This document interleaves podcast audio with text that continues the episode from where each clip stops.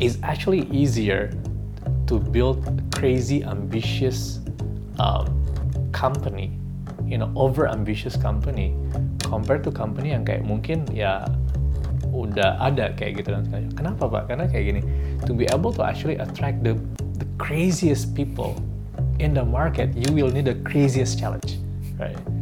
And biasanya when you actually got those crazy atau you hiring, you know, you you got that craziest people, they stick together. Yeah. Karena like they, they enjoy the challenge, right? Inilah Endgame.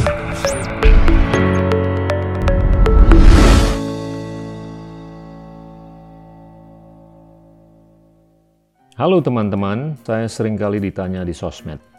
Saya ingin ikut berkontribusi untuk Indonesia yang lebih keren di 2045. Baiknya mulai dari mana? Mungkin salah satu saran saya yaitu belajar public policy. Nah, itulah pentingnya public policy. to change is definitely also policies, right? Dan untuk mendeliver itu tadi butuh teknologi, butuh uang, dan butuh policy. Nah, pemahaman terhadap analisis kebijakan itu memungkinkan kita untuk mengaktualisasikan solusi untuk berbagai permasalahan, apalagi yang sifatnya struktural. Tidak hanya di pemerintahan, tapi juga di dunia usaha maupun non-profit. Mantan Sekjen PBB Ban Ki-moon, Perdana Menteri Singapura Lee Hsien Loong, dan jurnalis Rachel Maddow, semuanya adalah lulusan jurusan Public Policy. SKPP Indonesia, sekolah public policy pertama di Indonesia dengan bahasa pengantar bahasa Inggris, sedang membuka penerimaan mahasiswa untuk batch terbaru. Untuk detail mengenai program dan cara mendaftar, atau sekedar berkonsultasi mengenai rencana karir teman-teman ke depan, hubungi SKPP Indonesia melalui link yang ada di deskripsi. Now back to the show. Halo teman-teman, hari ini kita kedatangan Ahmad Al-Katiri, founder dari Hardfest. Mat, makasih bisa datang. Aduh, it's uh, really my honor. I think ini kalau nyokap nonton, nyokap bangga banget. Jangan nyokap aja, Iya. tapi kalau bisa 280 juta. Amin. manusia. Cerita deh, dari kecil lahir di Ambon, tahun 89, 26 April ya, Taurus. Taurus. Percaya dengan horoskop? Maybe 10 years ago. Oke, silakan, silakan. Uh, Terus, Thank you Pak Gita. I think um, kalau disuruh cerita my life story, uh, I think the disclaimer upfront itu tuh adalah um, uh, is a lot of dramas ya. My life is like you know is a, is a roller coasters. Um, jadi tadi mungkin udah disebut bahwa saya asli Ambon. I'm very proud of like you know being putra asli Maluku dan I was born there, uh, raised there sampai dengan SMA baru kayak kemudian um, you know uh, keluar dan I think the part of like you know drama itu tuh started when um, dulu kan tahun 99 Ambon punya banyak sekali kerusuhan. Oh mungkin you know one step back is Iya. um, I was born di keluarga yang biasa-biasa aja lah. Um, jadi um, I think my uh, mom sama dad um, they're not like you know even finish their high school actually. Iya. Mereka keturunan Arab ya? keturunan Arab, Siap. correct. Um, mereka nggak nggak lulus SMA. My um, dad is um, was a contractors, jadi dia you know bikin perusahaan sendiri dan segala macam. My mom is like stay at home. Um, terus I think you know the drama started when uh, of course tahun 99 itu tuh kerusuhan di Maluku uh, dan it was quite big um, you know uh, conflict kayak gitu. Dan I think itu tuh di mana um, apa ya the kehidupan tuh mulai berubah secara signifikan kayak gitu. Um, ini we're talking about benar-benar zaman-zaman itu ketika ditanya apa sih cita-cita kamu, Mat, our the answer that we usually give adalah to actually live another day kayak gitu. Karena like it was super scary, right? We live in the constant fear.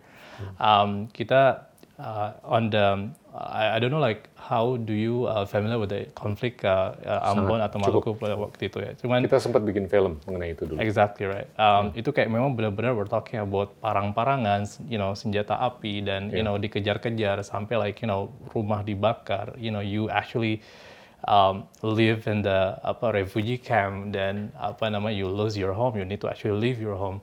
Um, dan di momen-momen di mana kayak memang sampai ada um, dulu itu tuh ada zaman-zaman di mana yang kayak bikin very traumatis.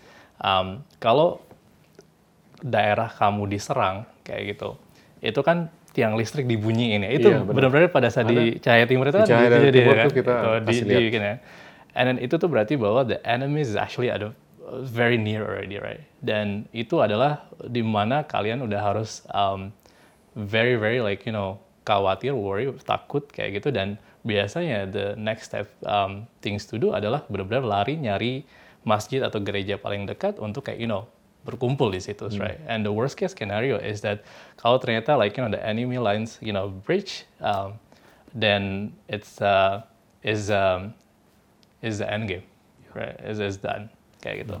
Uh, I think like you know itu yang bikin um, apa namanya the, the kerusuhan berdarah di Ambon itu tuh it was really um, apa ya uh, amazing experience. Um, I mean if you ask me kayak mau diulangi lagi of course enggak. Cuman I feels like it's really an, a great experience for me um, untuk kayak memang shaping the mentalities. Karena akhirnya mentality yang kebentuk adalah mentality yang memang uh, as a fighters mentalities, right? Karena we literally need to actually like you know be uh, apa ya um, um, well fight for our life kayak gitu, right? Dan nggak cuman itu kan, um, itu tuh juga nge-affecting the quality of life, the educations, you know. Pada saat saya uh, SMP dan SMA, ketika we go, uh, we went to the school kayak gitu, we never know whether we can come home atau enggak kayak gitu. Karena ada momen-momen di mana kayak you know tiba-tiba di school dan like bunyi tiang listrik tadi berbunyi dan you need to like you know rushing home.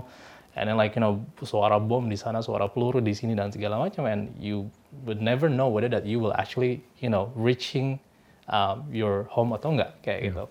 Um, the quality of education was also really crazy back in when my time di Ambon. Karena I think back in the days um, kurikulum yang yang yang apa ya yang dipelajarin sama mereka yang di Jakarta we were like one year late right? Jadi satu tahun kemudian baru kemudian kita belajar hal itu. Dan we're talking about like you know one classroom yang memang satu meja yang harusnya isi dua kita isi berempat berlima. So the quality of education is also like was also a very um, apa namanya um, agak terbelakang lah kayak gitu. But again, the way that I say it is even despite at that time semua orang, you know, termasuk your inner circle, family, you know, you were saying they were saying that Matt like this is your this is you know this will be your life kayak gitu. Udah nggak usah cita-cita yang tinggi-tinggi, nggak usah cita-cita keluar kuliah di luar atau apa. This would be it, you know, because like that's the mindset of it at that times, right? Kayak gitu. Cuman I feel like um, itu justru yang kayak menjadi motivasi to actually prove that even you know Iya. we're in that you know uh, apa ya um, the, the bottom of of of of life situations Iya. kayak itu you still like have a chance untuk kayak um, apa ya uh, well at least do better atau like you know have a better life kayak gitu. Um, akhirnya ya udah udah kerusuhan kerusuhan segala macam and then like we need to actually move uh, uh, houses like you know couple of times karena kerusuhan. Uh, dan ternyata nggak cuma sampai situ dramanya. So my my dad got stroke kan tahun 2001 ya pak ya. Uh, well actually 2005 um, 2005 jadi we're talking about mata pencarian keluarga satu-satunya datang dari my dad's company. Um, and then what happened is that we didn't have insurance. Jadi like we need to actually um, my um, mom itu needed to sell uh, her properties emas minjem uang dan segala macam. Untuk kayak memang benar-benar pay the medical bills right at that time Um, dan akhirnya apa yang terjadi adalah ya of course karena dia stroke dia sebelah tubuhnya lumpuh dia nggak bisa lagi menjalani uh, perusahaannya kayak gitu dan akhirnya udah akhirnya my mom needed to actually step up dan yang dia lakuin adalah dia uh, kalau Pak Gita tahu di daerah-daerah itu tuh biasanya ada kalau di sini kan banyak penjual bensin eceran Iya, ya. Nah, dia tuh jual minyak tanah eceran di jalan. Uh, that's what she did kayak gitu to actually like um, apa namanya um, uh, menghidupi kita semua kayak gitu. And then the chances like you know came uh, 2006 um, dulu gara-gara Ambon Maluku kerusuhan and Aussie Australia and Ambon has a very you know close relationship. Ada um, dulu kesempatan untuk menjadi student exchange kayak gitu di Australia.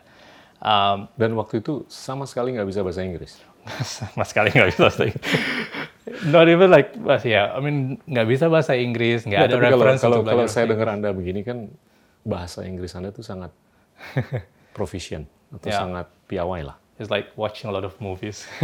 So, Ya, nggak nggak penting lah untuk orang tuh ngerti gitu loh transisi Anda dari nowhere di Ambon, nggak ada exposure sama sekali ke pengetahuan bahasa Hmm. Inggris. For sure. Uh, Yeah. Pada saat waktu itu sebenarnya I was, um, for me I was taking risk. I Yeah. think.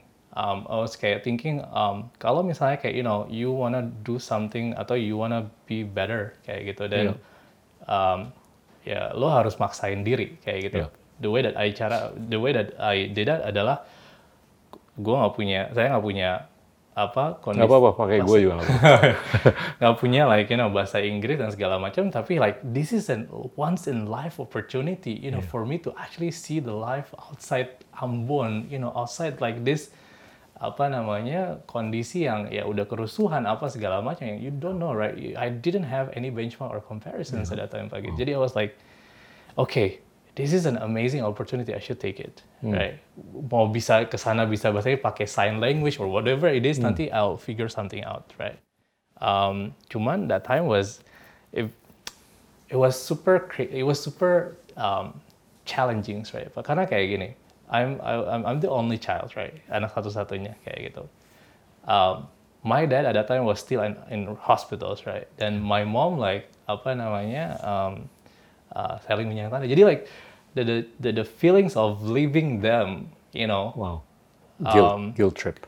Exactly right, and and uh, it's it's very difficult, right? At that time, cuman like I feel like this is an opportunity that Ya, ya. just you know make your life different kayak gitu. And I think yang yang bikin akhirnya maju adalah ya, justru my mom yang bilang bahwa look, this is it. Yeah. I think I I I'm very like you know uh, grateful that I was born in the you know in a family yang memang they are the definitive persons of uh, definitive like you know uh, definitions of people pleaser. So they put like you know people's uh, apanya even families sendiri punya punya kepentingan di atas mereka. Jadi mau memang saya take it like this is something that you cannot nggak bisa lagi kayak gitu. Once in a lifetime. Yeah, exactly right. So then I I flew to um, to Aussies and you know did the student Di exchange. kota apa di Australia? Darwin. Oke.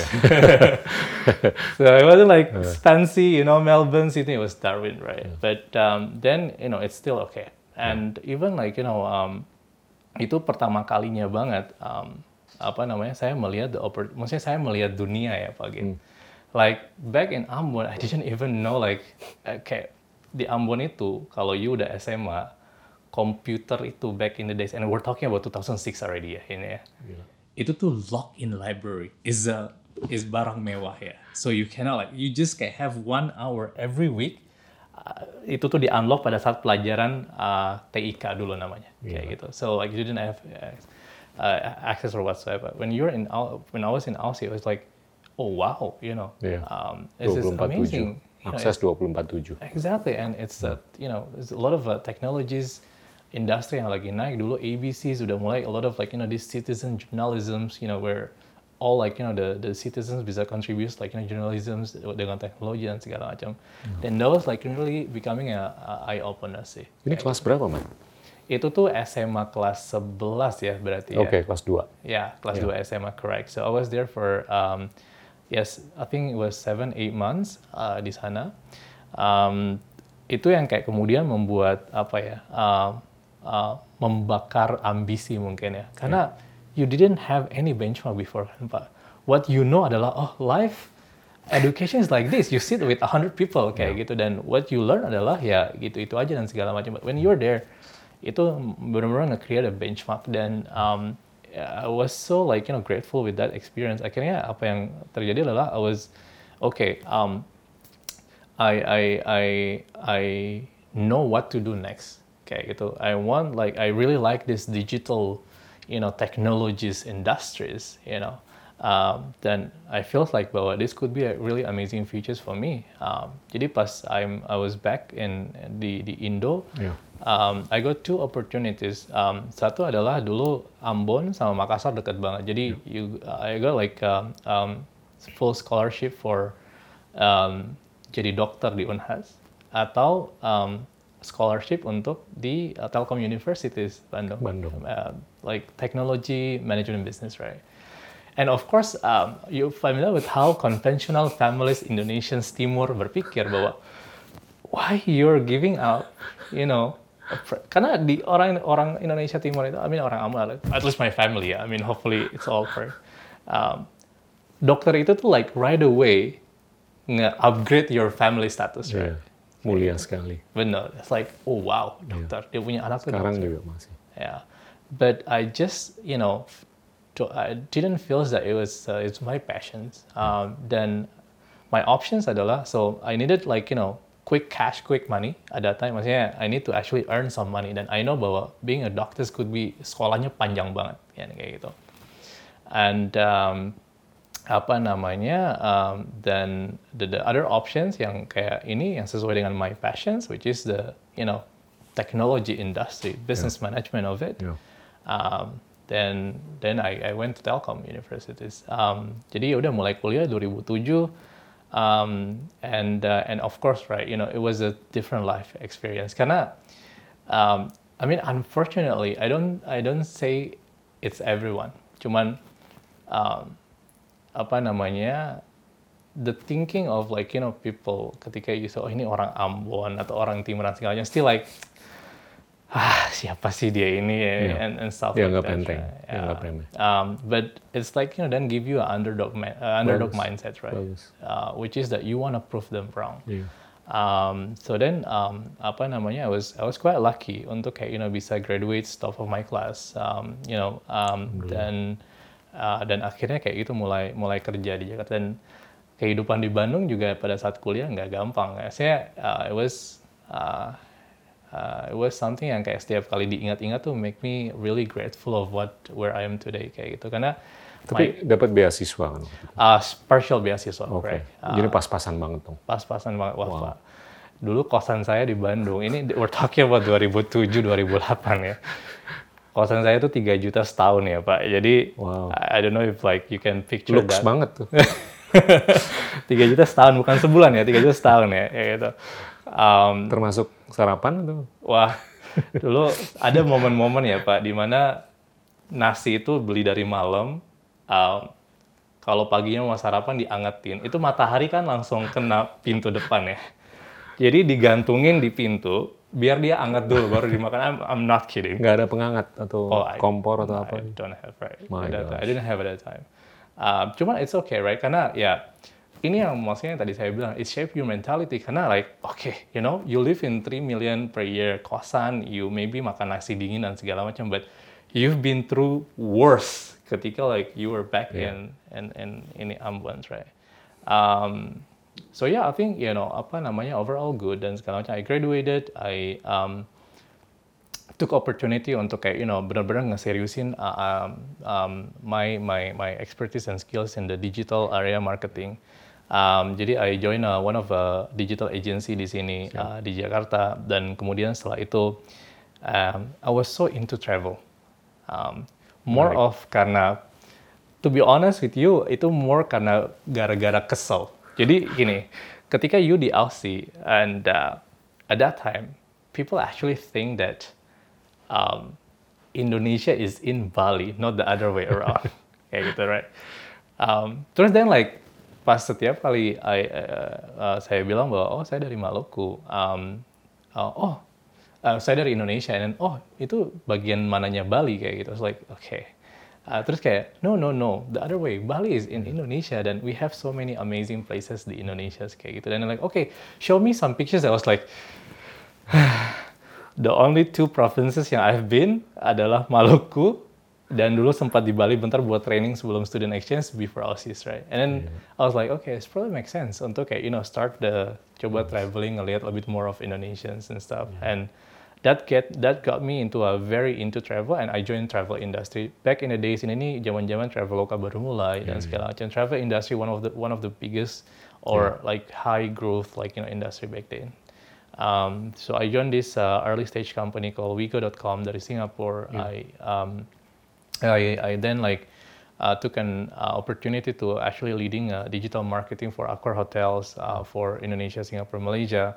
Um, and then like there is a shift in the market at that time. Yeah. Dari mulai travel ke semua orang ngomongin e-commerce kayak gitu. Wow. Um, and then as a um, dulu tuh sebenarnya my my principle on learning things is um, I follow the money, pak. I mean I'm I'm a marketing person, right? Kayak gitu. Yeah. So the, the the rule of thumb is if there is a one industry yang bisa spend more money on marketing, that's equals to my ability to learn more. Karena if I spend more money of of course not my money, my the company money, then I can like learn more, right? And at that time, it was like you know, e-commerce was was really booming and was really you know um, mulai naik banget kan kayak gitu. Then um, then I joined a, a e-commerce company. Um, jadi I, I, I joined uh, uh, Shopee back in the days, uh, very early, and then after that um, I joined Lazada. Um, then pengalaman di Shopee dan di Lazada yang kayak kemudian membuat um, apa ya lebih dekat dengan um, teman-teman brand founders di Indonesia, like local brand Tunggu, founders. Sebelum ke situ, Anda Hmm. travel ke 34 provinsi. Apa yang Anda temukan Ya. mengenai Indonesia atau keindonesiaan yang ada? Yeah, um, yeah, it was it was quite. Uh, jadi dulu when uh, um, pas pas masih muda ya, I'm not saying that I'm old now, but Baru 25 kan waktu itu? yeah, jadi I was uh, making a promise that uh, mau ngevisit semua 34 provinsi sebelum umur 25 kayak gitu, just because at that time kan belum punya komitmen, belum nikah, belum ini, belum ada tanggungan segala macam. Jadi you do you kayak gitu.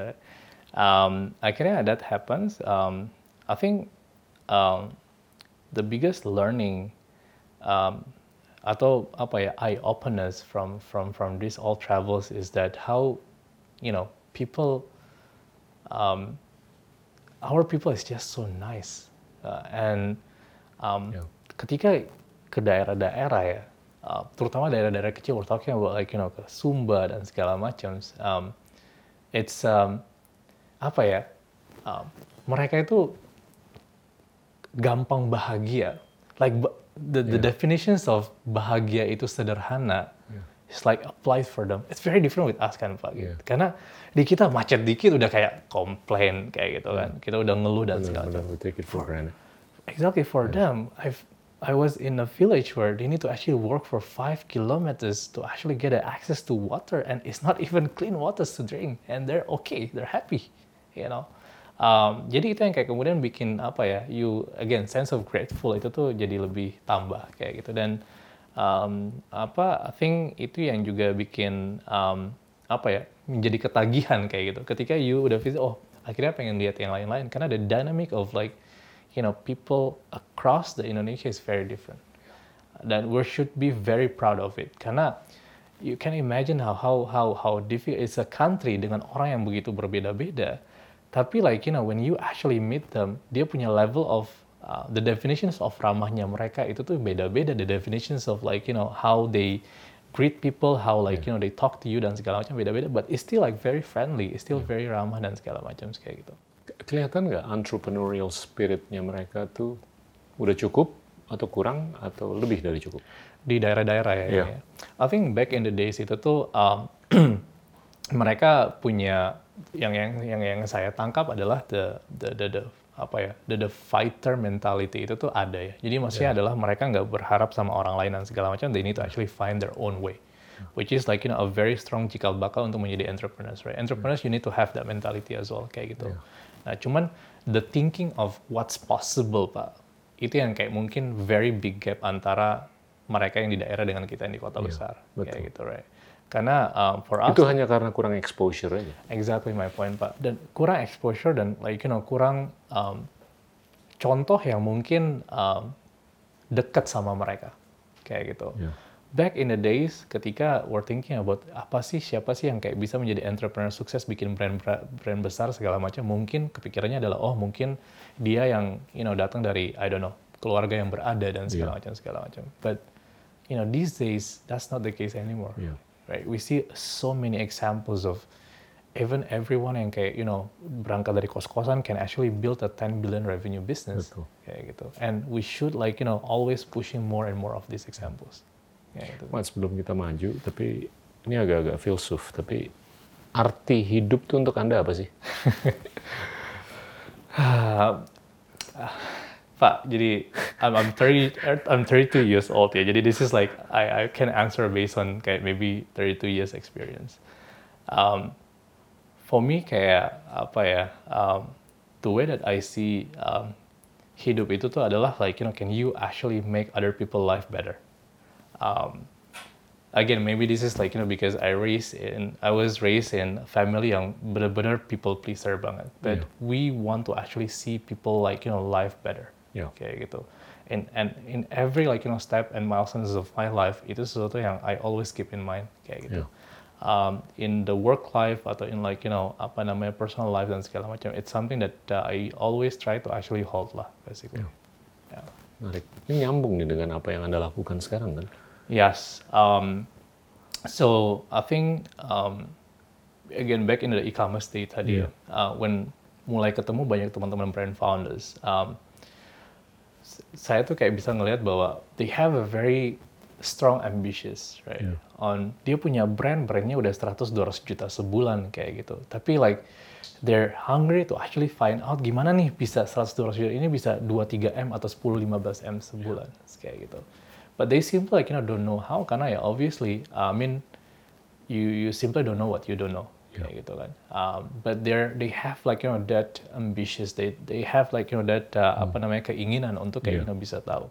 Tuh. Um, so itu yang kayak kemudian bikin menginspirasi membuat high fast kayak gitu karena um, back in the days um, brand founders itu tuh they're very amazing hustler Yeah. they have very amazing understanding of like you know the products and the customers karena beda ya mindsetnya tuh dengan uh, cara kita ketika ngebangun a proper company dan segala macam they're actually talking to the customers like you know closely they engage with the customer dan segala- akhirnya dia punya sense of like apa ya understanding their customers itu much much better kayak gitu. Even like you know compared to um, a lot of us kayak gitu as well.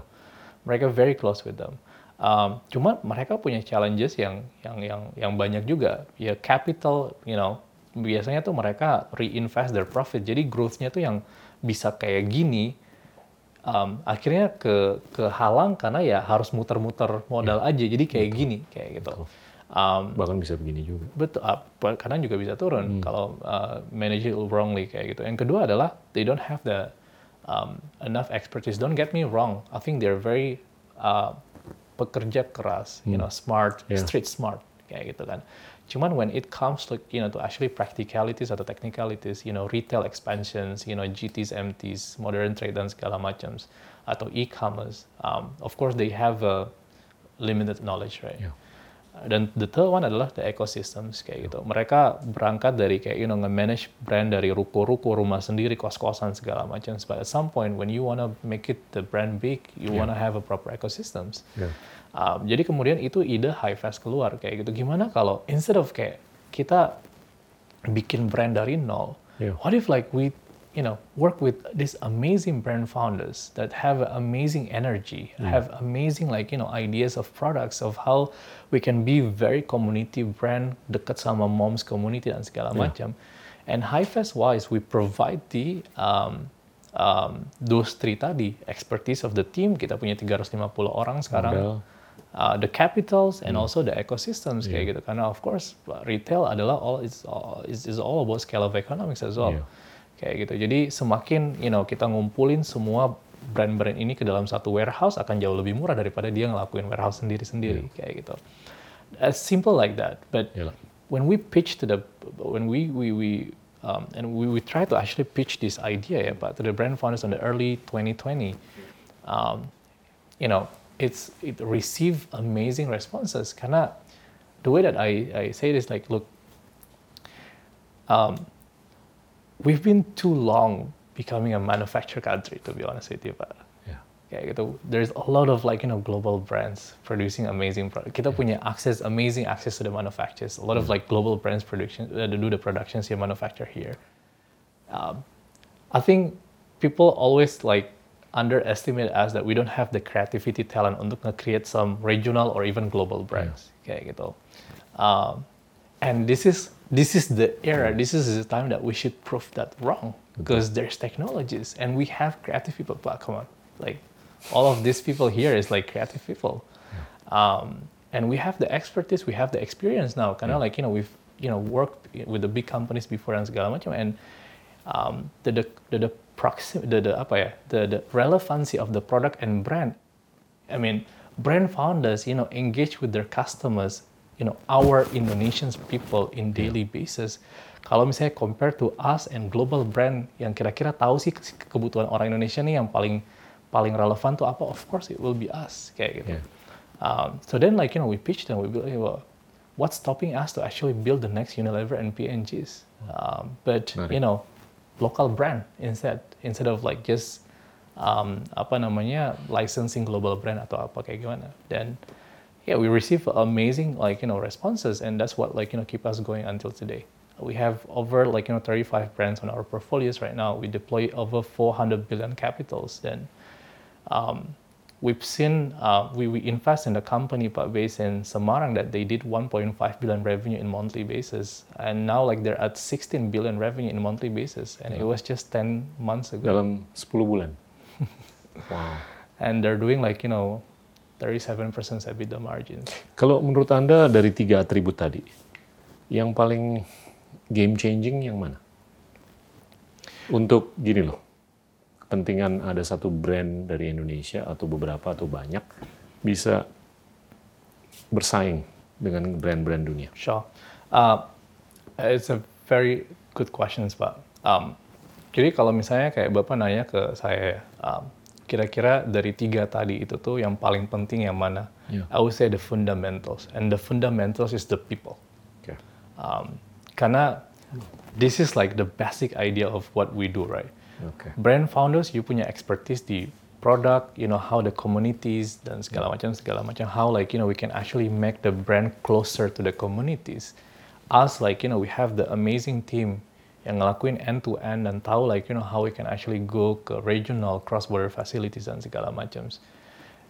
And everything else we can figure things out together as a partner. Jadi the way that uh, we, we we do the business adalah we come together as a partners dan dalam susah atau senang. Setiap kali kayak we pitch to the brand ya Pak, um, uh, we we always say that we hate to call ourselves investor. We're not investors, right?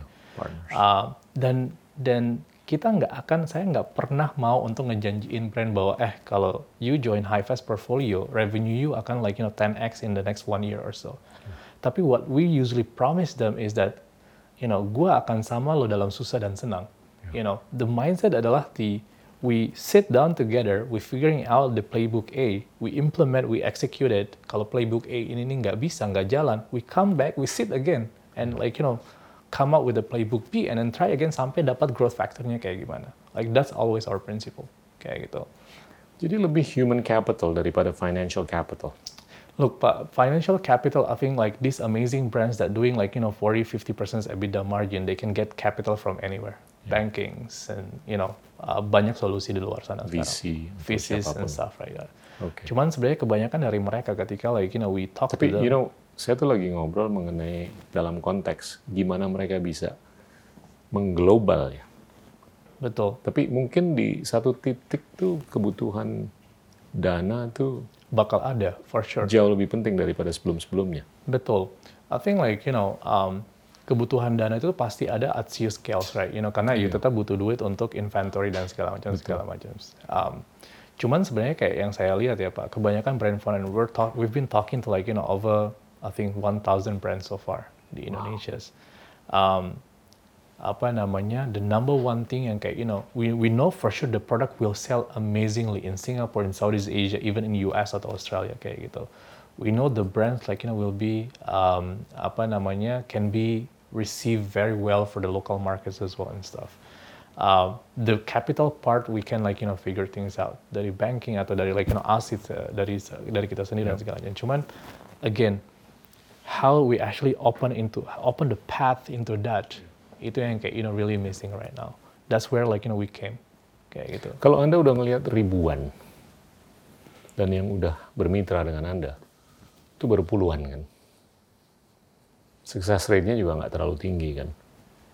Ya, itu mungkin mencerminkan proses seleksi yang mana Anda tuh sangat selektif, atau mungkin ya nggak terlalu banyak wirausaha yang itu ya, yang mungkin berkenan Well- untuk masuk dalam ranah atau pentas regional ataupun dunia. Betul pak. Jadi I think one is we are being very selective. Cuman sebenarnya pak ya, you, you touch a very good point. Ya. Um, sayangnya ya pak ya, I, I really hate you know um, uh, to to to apa namanya to to to when when we discover this, but Ya.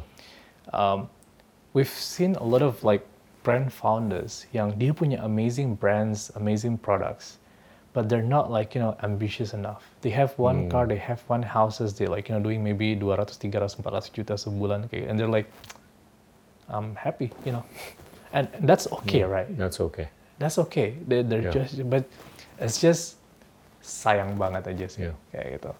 Um, and and I think like you know um, um, that's ketika like we we we um, looking into a, a brand. Yes, we have a criteria of minimum revenue, EBITDA dan segala macam. Tapi the biggest factors yang biasanya kita consider adalah kayak you know how the brand founders. Um, we want them like you know that those who actually have a very high ambitions that like you know say to me kayak Matt, gila man, gue Indonesia gue udah bosen nih, ini gue udah 10 m di Indonesia kayak gitu. Gimana nih gue bisa sell di Thailand, di Singapura, gimana gue bisa masuk ke Amazon FBA dan segala macam segala. And we like those guys, right? Yeah. Karena like you know they have the energy. Karena entrepreneurship is very exhausted, but ya gitu. Iya. It's a lot of challenges. It's a lot of like, oh my god, like crying in the nights. You know, always constant uh, apa namanya one um, fears that you bisa bayar gaji karyawan atau enggak sih? I mean for the brand founders, right? Uh, cuman we we're looking for like you know those who actually have that mentality dan very ambitious. kayak Kita bisa berdebat ya mengenai ambisi, penting atau enggak ya. Tapi kalau saya tuh mikirnya, kalau ambisi itu enggak setinggi apa yang kita inginkan, nanti ujung-ujungnya mereka juga bisa terkikis kan Betul. oleh pesaing yang bisa datang dari sampingnya atau dari luar. Nah itu, apakah itu sudah ada kesadaran di kalangan atau mereka yang nggak terlalu menunjukkan ambisi yang tinggi? Itu sih sebenarnya kayak mungkin Minimum ya, kalau menurut saya sih kewajiban moral kita atau Anda ya, adalah untuk mengsosialisasikan itu. It's okay not to be ambitious. Tapi resikonya ada. Mungkin lima tahun lagi, atau dua minggu lagi, atau berapa tahun lagi. Betul. Kalau nanti orang di luar atau tetangga atau siapa. That's exactly right. Jadi I think um, setiap kali kita ngobrol sama brand founders ya Pak ya, um, kita berusaha untuk nge-positioning ourselves sebagai um, apa ya eye opener buat mereka juga. Ya. That yes, you know you're doing amazing 700 juta, 700 juta, 1 m sebulan dan segala macam kayak gitu. But um, you know there will be a next, you know there will be a, a next brand coming in Yeah. that has more you know ambitious than um, you know access to capital or whatsoever dan segala macam yang kayak you know bisa um, apa namanya nikung you lah kayak Yeah. gitu. Um, and I feel like um, sometimes it's um, um, it is about like you know their nature maybe. Yeah. But, like they just like you know, uh, people people yang kayak memang um, living in the apa ya prefer to actually living in the comfortable Yeah. zones right and again that's okay but it's the people's choices right cuman for us at least in high fast um, kita lebih prefer untuk bekerja sama dengan teman-teman brand founders yang again has a you know amazing level of ambitious Iya, and pastilah. Itu itu selaras dengan bisnis model Anda. betul Karena termotivasi kan dengan Betul. scale. dan never like you know um, um, apa ya never give up dan selalu aus selalu hungry kayak gitu on like okay what to what we do next kalau kita udah kayak ngeliat growth ceilingnya udah mulai kelihatan nih okay what's next kayak gitu karena like we operate on the same way as well right on on high fast kayak gitu again I mean Iya. yeah. Ini kalau saya bungkus dalam konteks produktivitas. Indonesia tuh produktivitasnya relatif masih rendah di 24 ribu dolar per orang per tahun untuk barang dan jasa. Dibanding Singapura di 170 ribu. Iya kan? Ya itu mungkin berkorelasi dengan kualitas pendidikan mereka, infrastruktur, ekosistem, dan konektivitas mereka dengan banyak jalur dan inklusi keuangan, banyak lah. Nah, apa yang Anda lakukan dalam batas logika ya, itu menopang kepentingan kita untuk meningkatkan bukan hanya produksi, tapi produktivitas. betul Apalagi kalau ambisinya ini nggak terbendung ya, dan itu dia dikelilingi nama ekosistem dan sistem eksekusi yang memadai. betul Nah ini, what's what's the limit? Is the sky the limit, or I I I would like to believe so. Iya. Um, karena sebenarnya kayak gini ya Pak ya. Um, I I I I don't see any reasons why we cannot be atau we cannot produce a global brands atau regional brands in the market. Wah, itu luar biasa. I mean, Saya tuh saya tuh sering ngimpi loh, gimana supaya ada brand dari Indonesia, syukur-syukur dari Pulau Rote. yang seperti Apple gitu loh. yes, Atau seperti Adidas. betul pak. Seriously, right? Karena look, I mean, we've we, we did a lot of research on like US brands, right? You name it, Caspers, Glossiers, you know, all those brands yang udah IPO, Alberts dan segala macam. When if like you know you compare how like you know we how how the, the brands approach kayak gitu ya, compared to like you know us here, of course the very different scale ya. Cuman um, apa namanya the way that they execute things, I feel like we have a very good chances pak kayak gitu. We have amazing chances. Ini sekarang kayak you know gimana we are catch up to speed aja on Yeah. like you know a lot of things. Kayak gitu. Yeah. karena like obviously US is very mature markets already. Tapi sekarang the good things is pak the e-commerce penetrations in the market is you know crazy now. I mean it's is growing very significantly. We have a chance on that kayak gitu. Um, which is like you know why we do what we do right now kayak gitu. Karena look pak to be honest the way that I said one of the biggest factors um, apa namanya we we haven't see that that that that happen as well adalah kita tuh butuh lebih banyak orang optimis di di di, di negara ini pak benar aduh Makanya Anda harus bercerita wah mengenai jalan hidup Anda. Karena- Gila loh. Who would have thought? Lahir di Ambon, nggak bisa ngomong Inggris, nggak pernah belajar bahasa Inggris. Sekarang Anda cenderungan mengartikulasikan segalanya dalam bahasa Inggris tuh jauh lebih tinggi daripada bahasa Indonesia. Ini transform banget kan, transformasi yang luar biasa loh.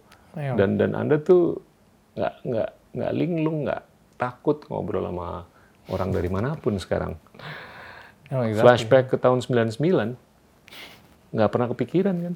Iya, jauh sih Dan, kepikiran. dan ini bisa terjadi loh dengan orang di Jember, Tarakan, Belitung, Iya. Pulau Rote. Sekali Oh. lagi saya ngomong. Tapi Exactly sih pak. Itu yang um, apa namanya yang yang saya selalu bilang ke tim even as well, right? Um, that I think look, yes, we're we want to like you know create this company at the end of everything. Kayak you know it's business, we want to make profits, you know we're profitable dan segala macam.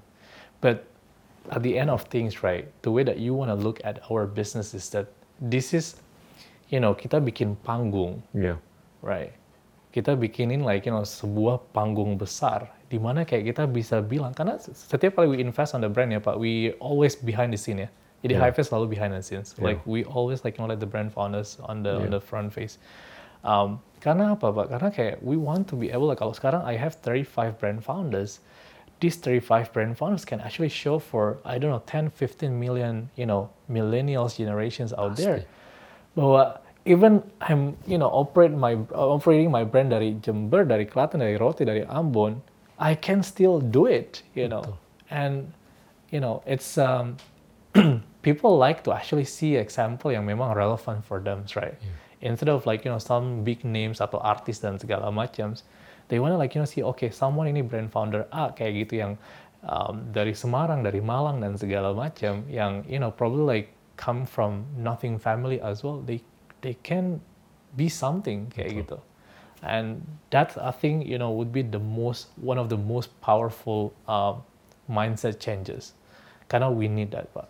We need more optim.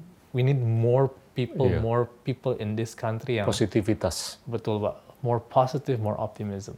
Iya. Karena we've been living in the um, yeah, in the very pessimistic en- environments, right? Tapi itu mungkin mulai dari rumah tangga, sekolah, Betul. kantor, kelurahan, kabupaten, provinsi. Itu ekosistemnya harus mendukung kan. Untuk We- kita tra- selalu berpikir positif kan. We can debate on that, Pak. Nah gimana?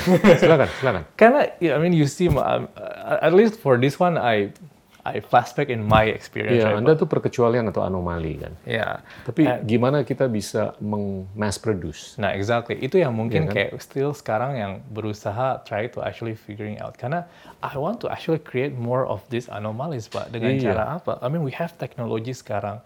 This, again, 35 brand founders. Iya. I mean, we can like do a lot of like, you know, storytelling dan segala macam that can actually inspire those, again, on the tier 2, tier 3 cities bahwa oh ternyata emang bisa kayak gitu. Iya.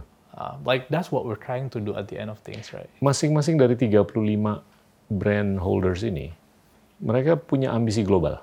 For sure. Pak, and Yeah, um, and we're doing it right now, right? Jadi kayak kita, um, alhamdulillah sekarang Highfast we have a team in four countries right now. Jadi Indonesia of course our HQ, uh, we have in Singapore, Malaysia, sama uh, Thailand. Um, and we just established a cross-border facility. Dan I think, uh, I think what seven of our brands sekarang is piloting of cross borders ke selling di Singapura sama Malaysia kayak gitu. Uh, karena like you know again right, it's not that um, uh, we don't think about apa namanya the Indonesia only ya. Cuman again tadi sih, I don't see any reasons to be honest Pak that we Untuk cannot kita nggak bisa, iya kan? bisa. Setuju, setuju like, sekali. We've been like has been we've been kayak you know on the on the constant um, apa ya um, uh, gimana bahasanya on the constant Bubble. not, not bullet ya cuman kayak you nggak bisa lah lu ya udah Iya, lu jualan kita di dalam Indonesia aja bubble lah. begitu. yeah exactly right Di, di, diparkir di situ. yeah but when you think about it pak look apa coba yang kurang we have access to manufacturers we Hmm. have access to capital we are creative people right Oke lah, tapi ini juga kita bisa berdebat karena saya tuh ngelihat Indonesia tuh sebagai negara terbesar nomor 4 di dunia. hmm. Kita tuh jangan berpikir kompetisi dengan nggak usah sebut lama lah, tapi negara-negara yang posisinya tuh di puluhan. Hmm. Kita ngelihat yang di top 5, top 10 aja di dunia dari sisi PDB kayak atau ekonomi, dari sisi populasi kayak dari sisi positioning geostrategis kita atau apa ya udah kita fokus di situ aja gimana nih untuk gue bisa jadi kayak begitu betul Iya kan? Betul, Pak. Betul, nah, kalau kita bandingin dengan Tiongkok, kita jauh kalah, Betul. ya kan? Kita bandingin dengan nggak usah Amerika sama Eropa, dengan India, kita masih kalah lah betul dalam beberapa metrik. Nah, ini gimana untuk kita bisa memperbaiki diri? betul pak baby kan? steps Baby steps. baby steps Tapi ini dalam lima tahun ke depan Anda bisa melihat berapa brand yang bisa jadi mitra Anda.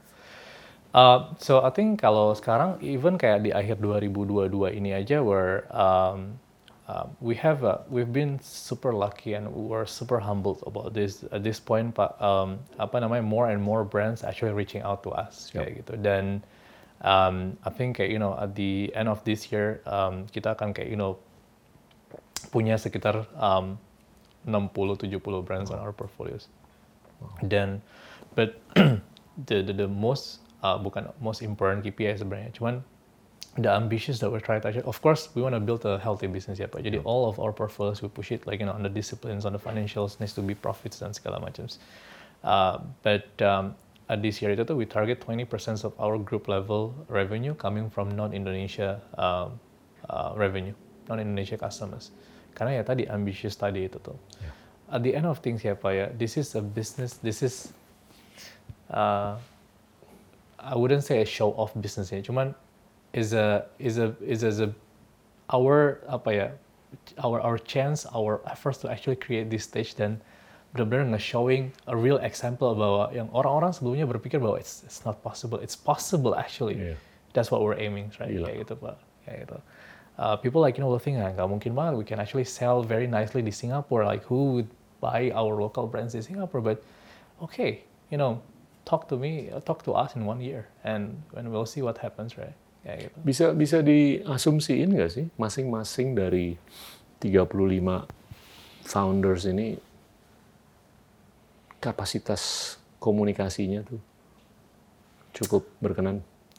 Um, I think they are amazing storytelling juga. Itu yang saya mau highlight. Betul, Saya Pak. mau coba tarik dari sini. Nah, um, um, setiap kali like uh, we, jadi the way that we operate kayak gini biasanya apa ya? When we invest into one brand, biasanya Highfast nge-operate the brand um, lumayan apa ya? Lumayan all like you know all those operational kayak warehouses, fulfillment, you know e-commerce dan segala macam we manage it right. Jadi we, we we help them kayak gitu with our team. Kemudian the brand founders ini focus on the on the area on things yang they're really passionate about and they really like. Jadi biasanya product development, they're very passionate about product development dan they understand the market well, kayak gitu kan. The other things adalah being the community engagement. Iya. Karena kayak gini loh Pak, um, there is a two ways of how you wanna build a brand. You wanna go Casper way in US, the mattress company. Um, Casper way adalah is a very they, they invest 25 30% of their uh, revenue into marketing and people just see it as a, another brand. Kayak gitu. That's how you know big companies and BF, FMCG build their brand. The other way of like you build the brand adalah kayak you know Glossier way. Glossier is very community driven brand you talk to your community you talk to the ladies you talk to like you know the moms and you feel like very close sama mereka the brand founders doing it right now jadi they are the one who actually replying ke Instagram post doing the live dan segala macam karena ya this is the aspect yang we wanna keep we don't wanna like you know make it just another like cult uh, brand Iya, kayak gitu right? Engagementnya harus tinggi. Betul, warm, you know, people can relate. Oh, ini brand foundersnya, oh semangat banget nih. Dan they do a regular, setiap kali new collections, mereka yang do the IG live dan segala macam, segala macam. So, their storytelling skills itu tuh diasah ke situ. Of course, nggak semua ya, Pak. ya. Iya, iya. But we're getting there, kayak gitu. Karena bisa bahasa Inggris semua? nggak nggak semua. Oke. But Nah, gimana kalau mereka mau go internasional? we'll help them. Oke. in a way or another, Pak. Karena I feels like bahwa uh, this is you know why we come as a partners, right? Kayak gitu.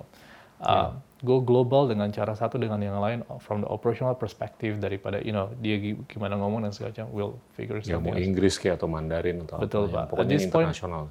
At this point, like you know, if you ask me bahwa eh lu plannya udah mantap nggak sebenarnya? I would I would be very lie kalau I say bahwa I figure everything out. We figure everything out.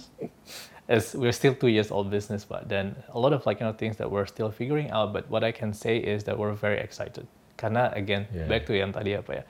I don't see any reasons why we cannot do this, Pak. Yeah. I mean, to be honest, right? Jadi, You've, you figured out the art of the possible. yeah. ya kan dan dan kadang-kadang orang tuh dikritik karena dia mungkin kebanyakan untuk keseringan ngomong bahasa Inggris atau apa tapi ya mungkin dia punya aspirasi untuk berkomunikasi dengan dunia internasional dan bersaing dengan dunia internasional betul. apalagi kalau teman-teman kita nih 35 orang mau bersaing di pentas internasional Betul, ya, Pak. mau nggak mau lah mereka harus bisa berkomunikasi kan. Satu hal yang kayak memang benar-benar harus kita appreciate adalah they want to try. iya Dia bagus dia they, they, Bagus. dia benar-benar kayak you know pengen coba, dia kayak you know pengen oke what can I do Iya. kayak gitu. Dan itu yang kayak kemudian selalu setiap kali tidur tuh bikin saya um, apa namanya oh this is why we pick this brand Betul. kayak gitu. Mat, saya mau nanya. Bisnis gini kan bisa dibilang barriers to entry-nya juga nggak terlalu susah-susah juga kan. I mean, there could be a, a clone Ya. of you besok dengan ide yang sama ya dibedak-bedakin dikit lah. Ya, Dan apa yang ngetop the big guys di Indonesia untuk tidak melakukan that's a good question. dari Pak. dari melakukan hal yang sama dengan anda lak- yang anda lakukan? Um, to answer this, you know, uh, mungkin saya pengen cerita juga bahwa uh, business model yang kayak you know lumayan mirip Hivest itu di US sekarang was is now one of the biggest atau the hottest like you know industry at this point, right? Um, dan- Namanya? Hah? Namanya apa? Ada, uh, sekarang hampir mungkin kayak you know tiap bulan ada sesuatu yang ngelakuin kayak gini. Siap. The biggest one is Trasio, ada Heyday, ada Perch, you know, and uh, Trasio as example is the fastest unicorn in US history. And this what the way that they do adalah they acquire Amazon FBA business, right? kayak gitu. Uh, Dalam berapa bulan jadi unicorn?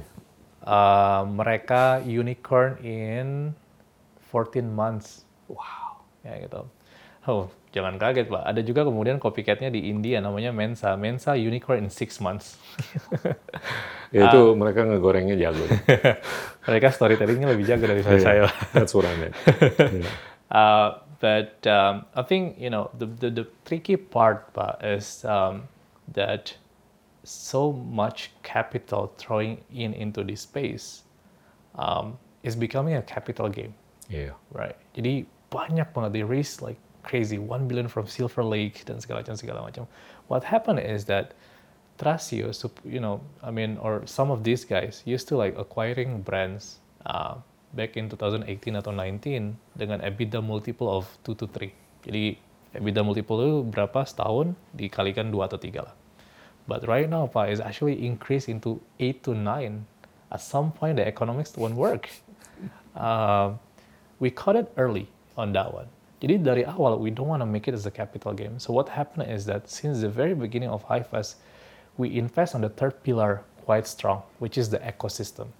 Kayak gitu. Ecosystems meaning here, sekarang Highfest punya offline stores di beberapa mall di Indonesia. You know, we developing our resellers, uh, uh, resellers channels. We're developing cross-border facility, our own warehouses, our tech dan segala macam. Jadi apa? Ketika we come into the brands, ini nggak akan jadi Iya. um, I offer sekian, kompetitor offer 20% more dan jadi nggak jadi. Tapi we come, you know, this is what our valuations offer. Tapi remember, we have like all these Iya. 350 team members, Supporting infrastructure. ecosystems and stuff like that kayak gitu. So that's what our big believer kayak gitu. But we are big believer on like you know developing a full end. Ecosystem. being a devil's advocate. Halo teman-teman, terima kasih sudah menjadi teman setia Endgame. Cek rilis terbaru dari Future Narrators Merchandise Collection dan dukung terus misi kami untuk mencari ide-ide terbaik dari narator-narator keren lainnya. Link pemesanan ada di deskripsi. Now back to the show.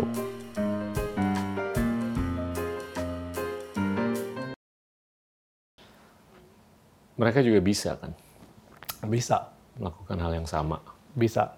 Ya kan? And What, what keeps you awake? Supaya nggak di-clone. to be honest ya Pak ya, Nah, kalau di-clone nggak apa-apa lah, tapi Anda tetap bisa bersaing.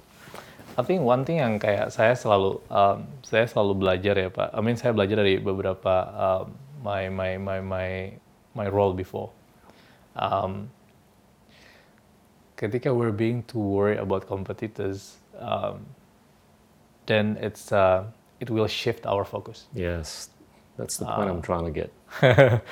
Uh, the way that I tell my team is that look, Iya. apa namanya one is that at this point we're the largest in the market. But it doesn't matter. Right? We were the very first mover in the market Southeast Asia kayak gitu. But it also doesn't matter pak kayak gitu. What we really need to actually do is that we know for sure this business you know has a real problem to solve and we should be obsessed with that. Kayak gitu. Karena nggak akan ada yang bisa stop you know the other people to actually I don't know raise fund and then like you know create this business and segala macam. But if we really like you know believe there is a problems in the market that we, we we can solve and we're just obsessed with it we will always have like you know um, apa ya uh, ya advantage points kayak gitu. Um, and itu yang kayak kita selalu obsessed sekarang. Karena uh, to actually always worry about competitors Pak, nggak akan habis-habis. Iya. kayak gitu. Dan um, daripada bikin saya nggak tidur juga then like you better focus on the positive things which is okay this is the problems yang kayak we haven't we haven't like you know figuring out atau we haven't solved how we can solve it. Kayak gitu. That's our principle sekarang. Ya kalau kita nyuplik dari playbooknya Bezos lah ya, dia kan selalu mengacu ke tentunya day one mentality. Tapi yang tiga hal yang dia selalu kedepankan, at least dalam public domain ya, saya nggak tahu lebih dari tiga dalam kenyataan. Tapi yang pertama itu kan inovasi, dua cost management, yang ketiga customer centricity. Nah, kalau untuk HFS, apa? Mantranya apa? those are the exactly same things as well Oke. Jadi look Pak, ketika you know everyone's I I, mean, I this is like public, jadi I cannot like you know share a lot, but um, I think kita selalu like you know uh, berpikir like you know what's next. So um, actually kayak gini Pak, um, it needs to be a balance between this. Karena kayak gini, um, one thing that I really hate about myself is that um, I'm, I'm so I'm I'm very high uh, so I'm, I'm very a high energy persons. Jadi my brain doesn't sleep ya, but which is very dangerous pak. Karena every single hours, you know, you always have ideas. Eh gimana kalau kita bikin ini juga? Terus kayak besoknya, eh gimana kalau kita bikin ini juga? ya? And then like it will make your company create an octopus strategy. And this octopus strategy biasanya nggak selalu bagus. Karena then you will lose focus. Kan, kayak gitu. Hampir setiap tamu di sini kayak begitu. exactly right. like you always like, eh, gimana kalau kita bikin ini? Ma- masuk akal loh, bikin manufacture sendiri masuk akal loh. Tapi then like, it's dangerous, you know. That's why I have people yang, you know, usually slap me on the face, not like literally, cuman kayak, eh, jangan kayak gitu, gitu. Bagus. Um, to, to, to do that, um, dan apa namanya, um, dan I think like, you know, that's, uh, that's quite important. Jadi, but, um, the innovations part is you know based on the real problems we see in the market, right? We've running the company untuk dua tahun sekarang dan we've uh, apa ya facing um, real problems yang gak cuman um, di face sama our brand. Jadi the, the the the the advantage of us is that we manage our 35 brand ya Pak ya. Setiap hari kita ngeliatin ini dan segala macam dan um, kita tahu masalah yang dihadapi sama brand-brand ini. Masalah yang dihadapi brand-brand ini adalah masalah yang most likely juga dihadapi oleh there is a 14 million online merchants di Indonesia, you know. So then like how we can actually create solutions, you know, to actually, you know, also solve that problems, right? Itu yang kayak sekarang kita lagi obsessed and it's part of the innovations, right? Karena it will be like you know bit different dengan our business model. Karena our business model is like we invest on brands, right? Kayak gitu. Uh, the second adalah cost. Jadi uh, for sure, uh, I think the discipline on the financial is something that we always uh, uh, keep kayak gitu. Karena kayak gini ya pak ya. Um, I'm, I'm coming from uh, uh, how do you say it? Uh, heavy money burning business, right? You know, on the previous roles, right? You know, at some point in as a marketing person soalnya ya pak ya, like Which is not unique. yeah, my job yang is dilakukan oleh banyak perusahaan-perusahaan lain. juga. Betul kan, my job adalah untuk ya spend money kayak Yeah. gitu right, uh, as, as a marketing person. Uh, tapi at some point ya Pak, you like you start to actually questioning about yourself kayak seberapa seberapa jauh like you can actually spend you know I don't know 10 15 million US dollar per month you know on marketing and stuff kayak gitu right. Jadi when we actually creating when uh, kita mulai high fast the principle that we want to hold adalah kita nggak cuma pengen nge-build a scalable business, but also profitable business since day one. And HiFest has been profitable since day one. Kayak gitu. Um, and uh, so this is like you know then um, and and there's a lot of like you know apa ya things yang we can do around this as well. Iwan. Karena yang tadi retail itu tuh is actually about like how to actually you improve uh, your unit of economics, the more the, the bigger scale it gets, it will like you know get more efficient, right? Kayak gitu. We as a group um, have that privilege, kayak gitu. Karena again, when we consolidate all the warehouses into one warehouses dan segala macam, will bring like you know more efficient cost as well. Jadi we we are very apa ya um, kita benar-benar kayak you know uh, serius banget dalam hal ranah itu kayak gitu. Saya mau ngobrol mengenai valuasi. Akhir-akhir ini kalau kita lihat perkembangan di dunia seperti inilah, kayaknya insanely apa ya astronomical untuk conventional wisdom.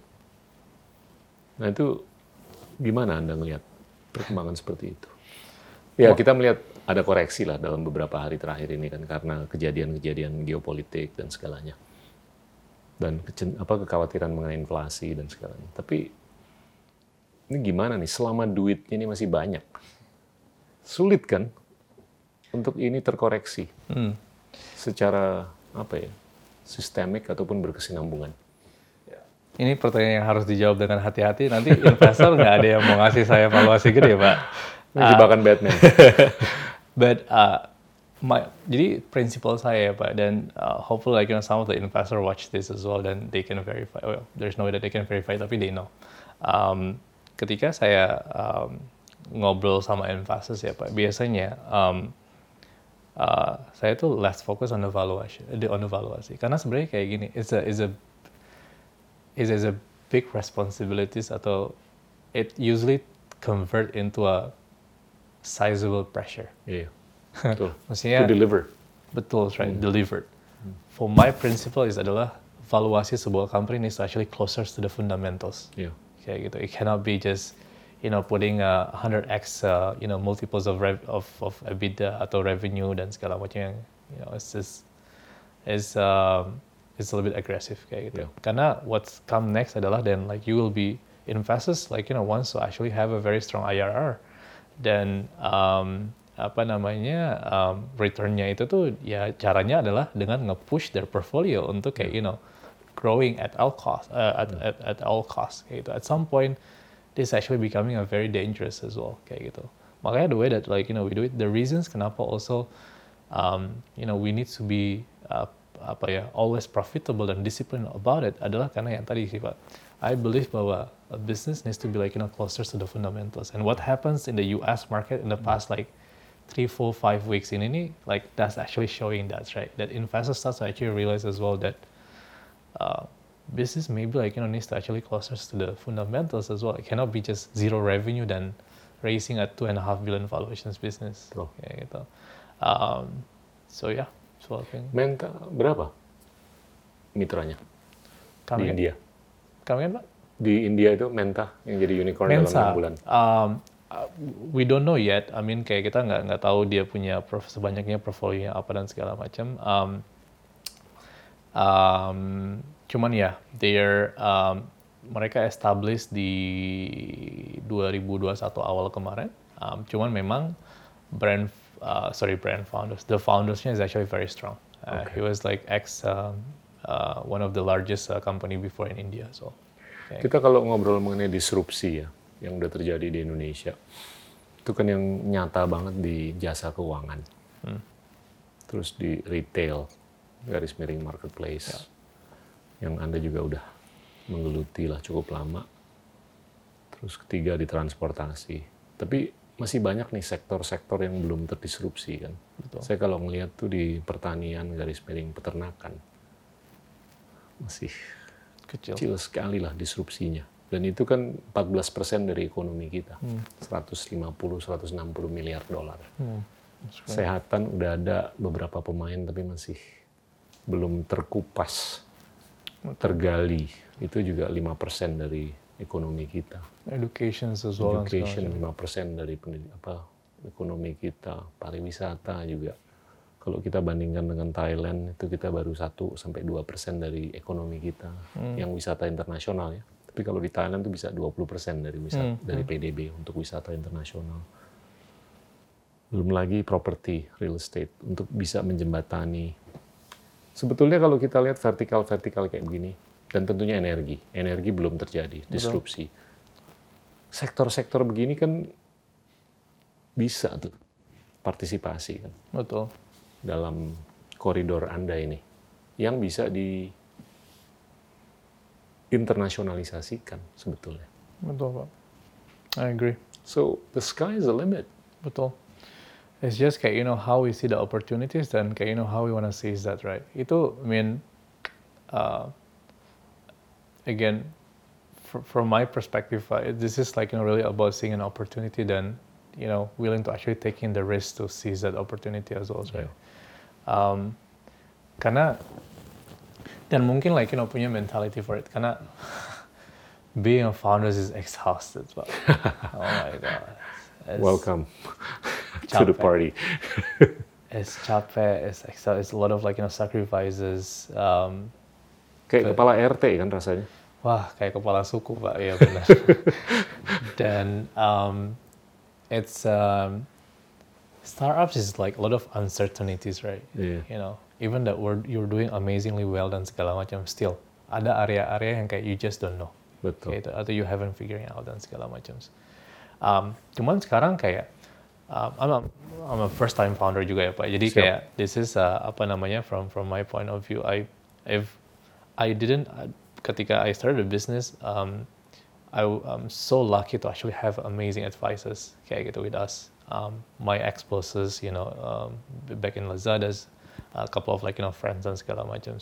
Otherwise, like you know, I felt um, I will kayak ngerasa kehilangan arah kayak gitu karena like no one knew about like fundraisings dan segala macam segala there's a lot of like you know things right that you need to actually know about about being a founder um, one thing yang kayak sekarang um, I'm trying to like you know create with a couple of friends adalah you know to make this Indonesia founders community more solid I mean in in the sense of gimana nih kayak kita bikin ya sekedar punya WhatsApp group atau like kumpul-kumpul and then like if there is a you know potential new founders like you know come maybe kita bisa share a couple of things dan segala macam because they will need it. I mean same ketika pada saat um, saya mulai dan saya benar-benar nanya a lot of like stupid questions ke my advisors Yeah. kayak gitu. Um, so yeah, it's uh, it's about like you know also being like apa ya supporting ecosystems right. Anda agnostik nggak sih mengenai dana dari luar atau dari dalam? Uh, You care? Atau I no really. oke. Yeah. Yang Why? Why you care? Do you care? Do you short, have concerns? short run enggak? Long run iya mungkin. Okay. You mean bahwa IPOs, you know, you you try to bukan prevent ya, you you prefer people atau these startups yang udah past 1 billion valuations, they wanna IPO here locally instead of like in US dan segala macam. Oh enggak enggak. Jadinya pendanaan awal untuk mereka-mereka untuk Anda atau siapa itu karena keterbatasan dana di dalam negeri, Betul. ya niscaya kita harus datang Keluar. dari luar kan. Datangkan dari luar. Tapi untuk sementara sih nggak apa-apa. Tapi ke depannya kan pasti bakal ada sektor-sektor yang agak-agak sensitif. Betul. Nyerempet true. dengan nasionalisme atau kedaulatan atau kepentingan kita untuk melindungi data, privasi data dan segalanya. Itu kan bisa aja dipelintir seakan-akan ada persepsi atau kenyataan penyalahgunaan Betul.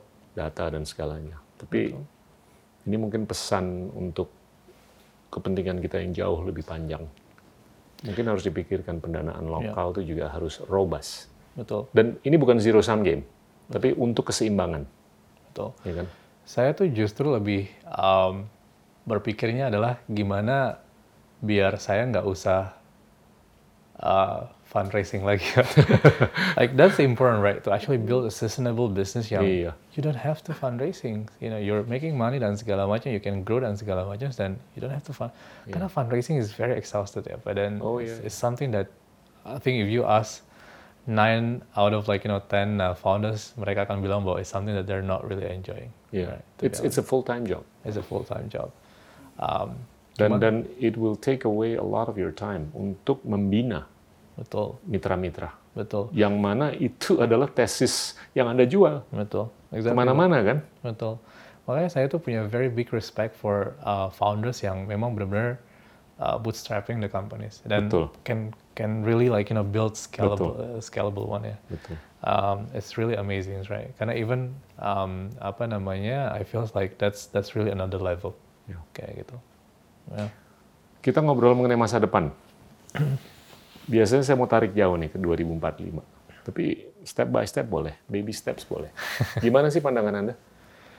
Um, 2004 Bisa bicara mengenai kewirausahaan atau pemberdayaan teknologi atau apa pun lah. Betul. Um, jadi sebenarnya um, nomor satu yang paling utama adalah yang what I've been uh, sharing tadi ya Pak, ya, bahwa I think the most important thing adalah kayak um, we need to change the mindsets of people kayak gitu bahwa it's possible, it is possible kayak gitu. Itu yang paling penting karena kalau udah patah semangat duluan di depan, siapa pun yang mau nge-convince dengan uang berapapun atau dengan resource seg- segimanapun, like they will still like you know running on on on the place, right? Um, jadi makanya kenapa like what we try to actually do adalah ya kita benar-benar nge-pushing ini nih semua brand founders yang kayak you know udah masuk ke Highfest untuk share their story kayak gitu. How like you know they've been building the business, you know what's the ini dan segala macam, just to actually inspire the next Ya. you know, I don't know, 1,000s, 2,000s, 3,000s, like, you know, brand founders di luar sana. Um, yang kedua, like, you know, of course, um, the, the ability for, like, you know, these brand founders ini nih untuk kayak, you know, bisa punya, um, apa ya, um, beyond um, proof of concept that they can sell in outside Indonesia market. They can actually build step aja. Maksudnya nggak usah langsung tiba-tiba harus becoming a global brands. But we start small. Like we start from Southeast Asia, regional brands. Maybe we go to Australia, you know. Maybe like, you know, we go into a little bit of, um, apa namanya, US, Europe, a little bit dan segala macam. So we take things step by steps kayak gitu. But we wanna like, you know, change that, um, apa ya, um, thinking bahwa udahlah Indonesia you jual di Indonesia aja lah kayak gitu cause we can do it I know we can do it Wak. kayak gitu um, then the other ones that like you know we wanna do ini kan sekarang the face of uh, kalau you, you you follow the high fast face itu ya pak ya. Um, ini nih we're joining as a partners in the in the other word itu tuh lah kayak we're we're hand holding the brand founders right? Jadi, jadi kayak kita ngobrol kita ini kita kerja bareng dan segala macam. Kita uh, nurture them kayak gitu you know untuk what's next dan segala macam. Yeah. but the next phase which would be amazing if we can do that adalah we just provide uh, we just act as the enabler Ya. and they can do it themselves. Wow. We provide like you know facilities, we provide like you know technology, then you do it. Iya, And then that way keren. gak harus kayak you know cuman 400 atau 500 brand yang maybe I can invest kayak gitu atau Iya, di Royal it can be like open for millions of you know brand founders di luar sana like that's the the dream right now kayak gitu pak but of course Bisa tuh. bisa pak kalau bapak nanya saya bisa saya adalah orang paling saya saya, saya come from very optimism like Yes, yes, kad- yes. kadang-kadang so tahu cuman you know I think we can do it kayak Tapi gitu. Mat, itu kalau kita hitung pengusaha mikro UMKM di Indonesia ada 50 sampai 60 juta. betul Tenaga kerja yang diberdayakan 125 juta. Kalau Anda ya don't think small lah. Iya kan? bisa pak Sekarang udah ada 35, tapi ini kolamnya nih ada 50 sampai 60 juta yang digosok dengan ambisi atau aspirasi yang lebih Betul. bagus. and we just get um, again right we just getting started dan I think yang um, fakta di lapangan sekarang ya pak yang yang is actually a good news for everyone um, itu kan adalah uh, apa ya you harus kayak kita harus ngasih signals back to the brand founders untuk kayak you know dia bisa dia bisa bilang bahwa oh this is actually working the signals back ini adalah people actually buying the products right? Um, sekarang yang terjadi di lapangan adalah masyarakat Indonesia udah mulai sadar bahwa local products is actually good. Ya. You know, kalau you um, ini apa ya ke marketplaces di Indonesia setiap kali angka cantik ya 11 11 12 12 dan Yep, segala yep. macam itu ya. The top 5 atau top 10 like you know best selling brands di those marketplaces di masing-masing kategori pasti ada dua atau tiga like you know local brands. Meaning bahwa people actually start to like the local brands. And this is a very strong signals right? This is a very strong encouragement gitu pak untuk uh, brand founders untuk kayak keep going atau the next brand founders actually which happens in the beauty category as example sekarang sekarang tiap hampir tiap dua minggu tuh ada brand beauty baru muncul. Dan if you sekarang kalau go to the streets kayak di kuningan gitu banyak brand-brand lokal yang sekarang meng apa ya men taking over the ads not like global brand anymore. Iya, kayak gitu. Ever white something dan segala macam. Amazing brands and that's local brands. Kayak gitu. So I can really you know dengan optimis bilang bahwa we can do it. I think we can. Kayak gitu. But you know we will um, apa namanya there's so much that we can do kalau kita sendiri right? But if like we can do it right these brand founders like you know also uh, find their apa ya uh, sharing their inspiring stories more and more like you know people inspired then customers like you know also response in a very good way. Meaning kayak they actually buy the products and they like the products then it's it's going to happen. Anda ngelihat nggak sih tahun 2045 itu udah ada brand yang terkait dengan jasa, bukan barang. brand yang terkait dengan jasa itu misalnya kayak gimana as example pak like Sauna, spa, itu jasa kan? Tukang cukur. That's a tough question sih ya, Pak ya. Um, Anda kan biasa jualan barang-barang dari mitra yang bikin sesuatu kan yang bisa Betul, dikonsumsi. betul. Ada bedak kayak, ada Betul. kapas kayak atau apa gitu. Well, Tapi Anda, do you do you envision a future di mana ada brand dari Indonesia yang terkait dengan jasa? Kayak massage from Bali. KPMG Hah? atau Ernst and Young. Hmm. Itu kan jasa kan?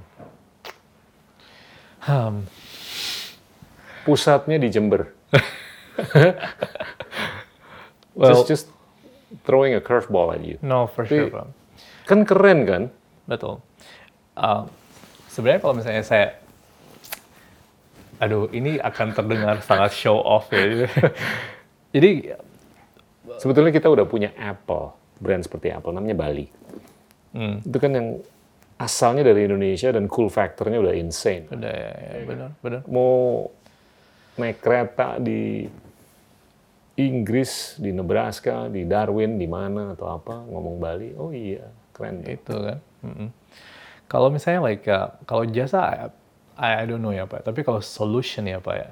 Um, yang tadi misalnya kayak yang tadi saya bilang ya, if we can actually provide the technologies to actually enable this SMB ya small medium business. Yeah. You keep in mind bahwa Indonesia ini salah satu negara dengan SMB paling banyak, right? Mm-mm. Kayak gitu. And this is could be like you know a global solutions. Yeah. Kayak gitu. I mean Canva is like originally from Australia and then now it's becoming I don't know like 40 billion followers business or so kayak gitu kan. And these like you know solutions kayak you know based on our real um, um, um, real real problems you know these SME brands can also like you know happen kayak gitu. Um, yeah. Saya, saya ngelihat kalau kita udah bisa mengedepankan jasa sebagai brand yang regional ataupun global, apalagi global, itu kalau menurut saya kulminasi dari keinginan kita tuh Hmm. untuk menempatkan diri di benar-benar on the radar, No betul pak. ya kan? Karena itu itu mencerminkan kecerdasan, intelektualitas dan Betul. relevansi kita. Ini nih juga sebenarnya salah satu area yang mungkin tadi part of innovations uh, penting ya pak. Maksudnya Iya, the way that bisa I- fashion, betul kan the, the the innovation I mean the way that um, I bisa see wayang. betul the way that I see it ya pak to actually becoming a global solutions of something originally from here then we cannot be a follower maybe Iya. I mean needs to be like starting something new kan yang maybe based on real problem in Indonesia and probably like you know relevan buat negara-negara yang lain yeah. kayak gitu right uh, so yeah there's a possibility. possibilities karena one thing that I know a lot of we have a lot of problems to solve in this Betul. market right uh, Betul. uh, yeah one problem at a time Ya, kalau menurut saya human capital itu yang harus Anda kedepankan atau kita kedepankan. Nih, kalau kita lihat banyak pengusaha-pengusaha yang sukses di teknologi, salah satunya dari marketplace,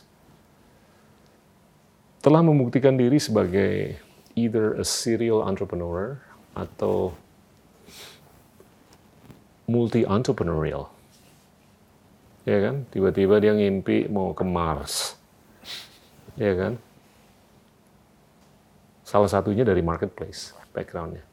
Do you see yourself as a serial entrepreneur or multi-entrepreneurial? oh my god um, one thing yang um, so Karena tempting loh. oh, ya kan? sangat tempting I think um, the, Ini, the, ini kita bisa edit nih nanti nih, supaya investor nggak denger.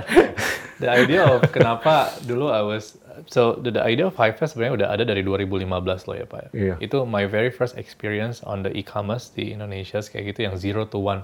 It was like my very first experience and I was like, oh ternyata building something dari nol ini nih sesuatu yang benar-benar menyenangkan. I should do it.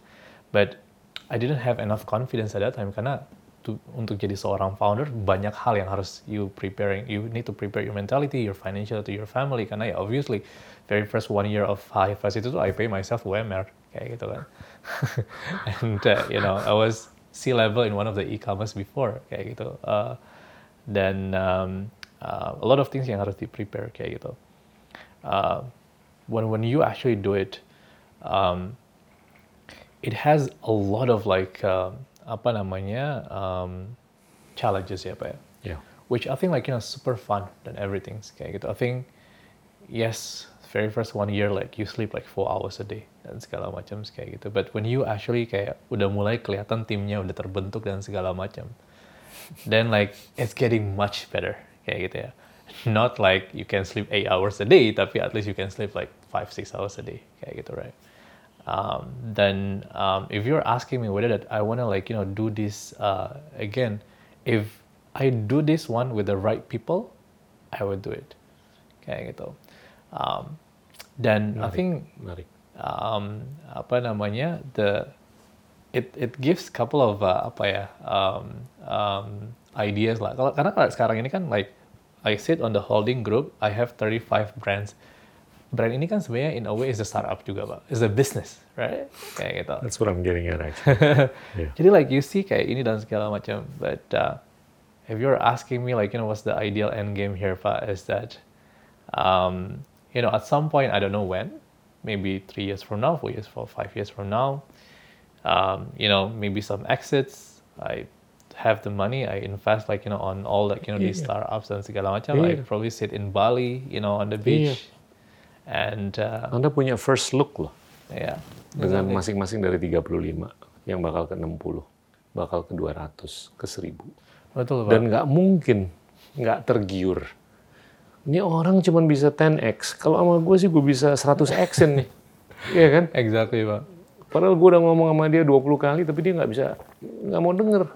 Ya udahlah, mendingan gue terjun aja ke Betul. situ. It's addictive. Iya. beneran. Um, it's addictive ketika like you know you um, again tadi sih pak you have the right team, the right partners, dan the right ideas, right? Iya. Kayak gitu. Um, so yeah, let's see. I don't wanna say it now karena takutnya kata-kata itu kan doa ya pak ya. I, I I want to have like you know more apa namanya companies in the future. Cuman kalau sekarang I feels like kita nih belum belum belum belum masih day one lah buat HFS ini kayak gitu. Mat, kita udah denger kriteria apa yang Anda pakai untuk bekerja sama dengan mitra. Saya pengen tahu kriteria apa yang Anda gunakan untuk merekrut orang yang mengelilingi diri Anda supaya Anda bisa tidur lebih panjang atau Ya. nyaman. Oh, I can talk for hours about this pak. Um, apa namanya? Jadi sebenarnya ketika like you know uh, saya ngelakuin recruitment atau hiring, um, especially for the leadership team ya pak ya. Um, background itu tuh atau experience is like number sekian sih kayak gitu. Ya. Um, karena apa ya joining in a startups yang apalagi dua tahun dengan growth rate yang kayak kita sekarang ya uh, it requires someone crazy I know like this is doesn't this you know, doesn't make sense cuman um, ketika like you know dulu pertama kali saya uh, bikin high fast ya pak ya uh, banyak visi tuh yang nolak dan bilang bahwa karena at that time itu belum ada contoh di US atau di any market right? High fast was idea was there ketika belum ada contoh di luar sana. Jadi ketika we talk to the VCs back then banyak VC tuh yang bilang bahwa oke do you have benchmark in US atau in China atau di India? No. Then they were go straight to thinking about probably won't work. Karena ya mature market aja nggak ada. Um, then like you know they suggest to actually like "Weh, with your background you know C level in e-commerce before dan segala macam you know ngurusin marketing you should just like you know creating a proven business model like e-commerce enabler marketing agency dan segala macam. But I always think ya pak ya um, it's actually easier to build crazy ambitious um, company, you know, over ambitious company compared to company yang kayak mungkin ya udah ada kayak gitu dan segala. Kenapa pak? Karena kayak gini, to be able to actually attract the the craziest people in the market, you will need the craziest challenge, right? And biasanya when you actually got those crazy atau you hiring, you know, you you got that craziest people, they stick together kind of like they, they enjoy the challenge, right? Yeah. You know, and they, they don't find some like some challenges like this kayak di luar sana. I have a 15 team, I have a 15 leadership team right now yeah, Pak. Dan all of them, uh, I'm pretty sure like you know they won't like I say it, but they are crazy, they're weird, Ya, crazy good lah. crazy good kayak gitu. But- good crazy. yeah, but they are obsessed with the problems, you know. They don't give up. They take the ownership into the next level, but they don't come to me and then asking, Mat, ini gimana, ini gimana. They try to figure things out first. Kalau udah mentok segala macam, and then like, you know, we discuss as a team, kayak gitu. Because early stage startup is messy, Pak, right? There's a lot of proses manual yang, ini kalau saya selalu kasih contoh ketika hiring itu adalah kalau you join other company kan, you just ngikut path di hutan ya. Iya. Cuman this is like no one is actually doing this before. Jadi this is like you Lempar pegang parang. Iya, you pegang parang dan you create the path Hmm. kayak gitu dan you akan sering nyasar kayak gitu dan that's okay. That's why we encourage like you know people di dalam entire like you know company is okay to make mistake. Hmm. I'm encouraging like you know people to making mistakes karena nggak ada cara yang paling bagus untuk belajar selain you making mistakes Hmm. kayak gitu dan you need that. Sounds like my former boss. Yeah, yeah. He, he always said, go out there and make a mistake. Yeah, exactly. Just make sure you don't make the same goddamn mistake twice. exactly. and most of them, like you know, um, apa namanya, take the learnings uh, from it, right? But Yeah. then, um, then, then the the next like you know criteria is usually what I call the anti fragilities. Iya. Um, anti penting. Ya benar, Subtle tuh perbedaannya dengan resilience. benar pak. Hmm. Karena like you just have like you just need to actually adapt to maximize like what's this messiness can turn out right Betul. kayak gitu gak bisa just kayak you know keep going tapi like mentok terus kayak Yeah. gitu right you need to be adapted and then Anti fragil. iya betul Itu kalau menurut saya penting. Penting saya, saya kalau ngobrol sama banyak teman-teman atau ya yang siapa pun lah, kita harus bisa membedakan antara resiliensi dengan anti fragilitas. Betul, betul. Dan um, is a basic like you know apa ya fundamentals understanding yang orang-orang harus ngerti. Maksudnya tim saya at least like you know harus ngerti perbedaannya. Um, jadi kayak kayak gitu. Tapi waktu Anda mewawancara orang, gimana untuk mendeteksi kegilaannya dia? Yang sepadan dengan apa yang Anda inginkan. Itu Ah. yang supaya orang dengar gitu loh. Jadi biasanya tuh saya kalau nggak interview um, the leadership team ya, saya kayak su- su- suka kayak ngasih apa namanya um, like one example problem kayak gitu, terus uh, bilangin aja ke dia bahwa oke, um, pokoknya you lihat my, uh, you lihat me sebagai visi kayak gitu, you are a founder, you pitch me like you know how to solve this problem aja kayak gitu, then all the crazy idea will come right, maksudnya dari hal yang paling masuk akal sampai hal yang paling tidak masuk akal, but at least they try. And like you know they say it right? Kayak gitu. Um, I don't usually like you know asking mengenai cerita mengenai experience background dan segala macam karena I I think like if they're smart people but they can learn. Kayak gitu. Except maybe like you know for technicalities uh, role ya. Kayak gitu ya.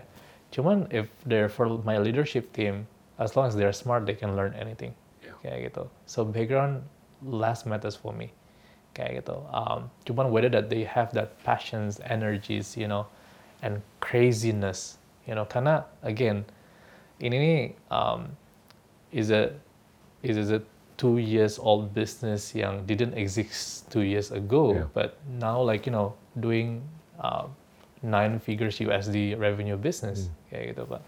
So uh, so yeah, that's Intinya kalau mereka mau join Anda tuh, mereka siap gagal, betul. iya kan?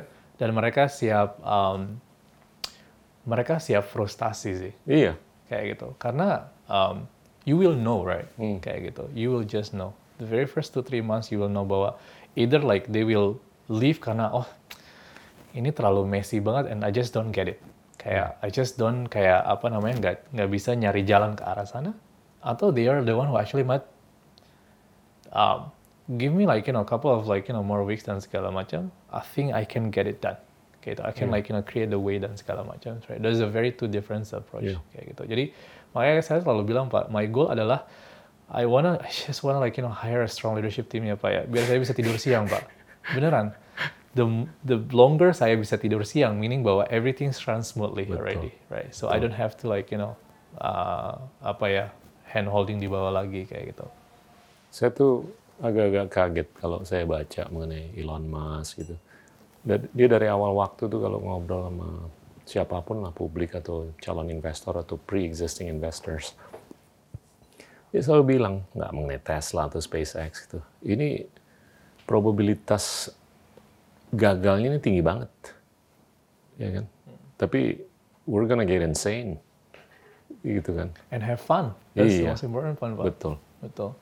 Um, hal yang sama yang saya selalu bilang Pak, yang saya selalu bilang ke teman-teman tim, look, however like this turns out, you know, Yeah. whether that we will be becoming unicorn atau public listings and stuff like that, Ya. the most important important thing adalah at least like find some apa ya area tuh yang memang you're actually having fun, karena um, doing what we do is very exhausted ya Pak ya. Yeah. It's just capek banget kayak gitu. Jadi kalau misalnya you cannot like you know find something yang benar-benar you are passionate about dan feeling in your energy, then you'll becoming a machine. Ya. And itu akan sangat susah untuk survive. Kayak gitu sih. Mat, ini pertanyaan terakhir. Kita udah ada brand-brand yang keren banget lah, yang udah dikenal di dunia. Hmm. Gojek, Tokopedia, Traveloka. Tahun 2045 tuh bakal ada brand berapa brand sih dari Indonesia? Ngelamun aja lah ya, ngalur ngidul aja. Saya sih kalau berharap kalau ditanya kayak gitu 2045 we will like Enggak, kalau kerjanya kayak Anda tiap hari, terus ada 20 orang kayak Anda gitu yang kerjanya kayak Anda tiap No, hari. exactly, Pak. 2045 sih saya berharap like we'll actually stop counting. You know, it's just too many. Um, I like that. dan dan we should uh, again pak coba kayak all I ask ya pak ya you and of course like you you've been thinking about this coba cari alasan kenapa we cannot produce a global brands gak ada cannot I mean like if we have the expertise dan segala macam and sekarang karena ya thank God like 10 years ago e-commerce exist and sekarang udah lebih banyak Yeah. talents e-commerce yang udah mulai graduate dan segala macam Yeah. and it's actually getting closer and closer kayak gitu. Uh, Allbirds, as example, in the US, uh, yang yang listed in the US, is actually not US company, it's a New Zealand companies, right? Um, then why we don't, we cannot create that? Jadi I think um, at some point, you know, I mean, 2045 still 13 years. Um, No, no, no. 23 years. 23 years, yes. So, or even better, you know. I think we can like, you know, aiming untuk kayak ada global brand dari Ambon, dari Rote, dari Papua dan segala macam dong. Indah banget. Iya dong, Pak. Karena um, there is like, you know, amazing brands coming dari Bali, right, Pak? Um, um, so there is a, this Saya brand. pengen dari timur, Iya dong. barat, tengah, semuanya tuh. Betul Pak, karena makanya kalau- kalau kalau bapak nanya ya, kayak saya kan sering masih sering bolak-balik Ambon ya, pulang kayak gitu. Um, at some point kayak you know saya benar-benar pengen bikin kayak semacam entrepreneurs academy di sana, karena terlalu sayang kayak Iya. gitu. People will always like you know uh, overlook um, apa namanya potential entrepreneurs di non kota besar di Indonesia. Iya. Padahal dia itu tuh adalah dengan all the limitations that they have ya Pak. Masih bisa survive. Survive. The thrive. anti-fragility tadi tadi Pak. Anti-fragile tadi itu yang dia Iya. punya, right? Cuman they just don't know how. Iya. This is like, you know, just kenapa we need to, we just need to actually pay, it, uh, we just need to actually guide them a little bit. Ya itu sih. Ada pesan-pesan akhir? maybe like buat brand founders ya. I think um, uh, again saya udah ngobrol dengan uh, like seribu brand founders, pak. The the biggest like you know thing is that they they just don't feel uh, confidence mengenai brandnya mereka, mengenai dirinya mereka, how seberapa like you know gede this brand bisa masuk bisa bisa gede dan segala macam. Um, my ultimate like you know pesan adalah like be optimist about that. Then you don't have to do it alone. That's the most important one. This is like you know why exactly the reasons why we exist kayak gitu. And I'm pretty sure you as well advising a lot of startups entrepreneurs and segala macam. This is our way to actually not just pay it forward but how we can actually benefiting each others then make it grow to the next level. That's like the ultimate goal for everyone kayak gitu. Dan what we're saying is that you kalian nggak perlu ngelakuin ini sendiri. Your brand, this is like you know why we exist, but you just need to have stronger, you know, um, ambitious and confidence about it, and the rest, you know, will be there with you kayak gitu. Itu aja sih. Jadi mudah-mudahan lebih banyak brand yang kayak ketika kita ajak ngobrol like, yes, gue mau dong 10 m sebulan atau ke Malaysia, Singapura, and less of like kita sih sekarang 100 juta udah happy sih ya. Like that, right? So we want Yeah, yeah. that we want to see that change dynamics. And hopefully we can Amin, also apa ya uh, trigger some of it juga lah. Kayak gitu. Light up the fire. Betul. Betul. We need more optimistic people here. Pak. Amin, amin. wow. Oke, Mat, thank you. Thank you, Yeah. Pak. Thank you so much. Ya, it's a pleasure. It's a pleasure for me. Teman-teman, itulah Ahmad Al-Katiri dari Hypefast. Terima kasih. Inilah Endgame.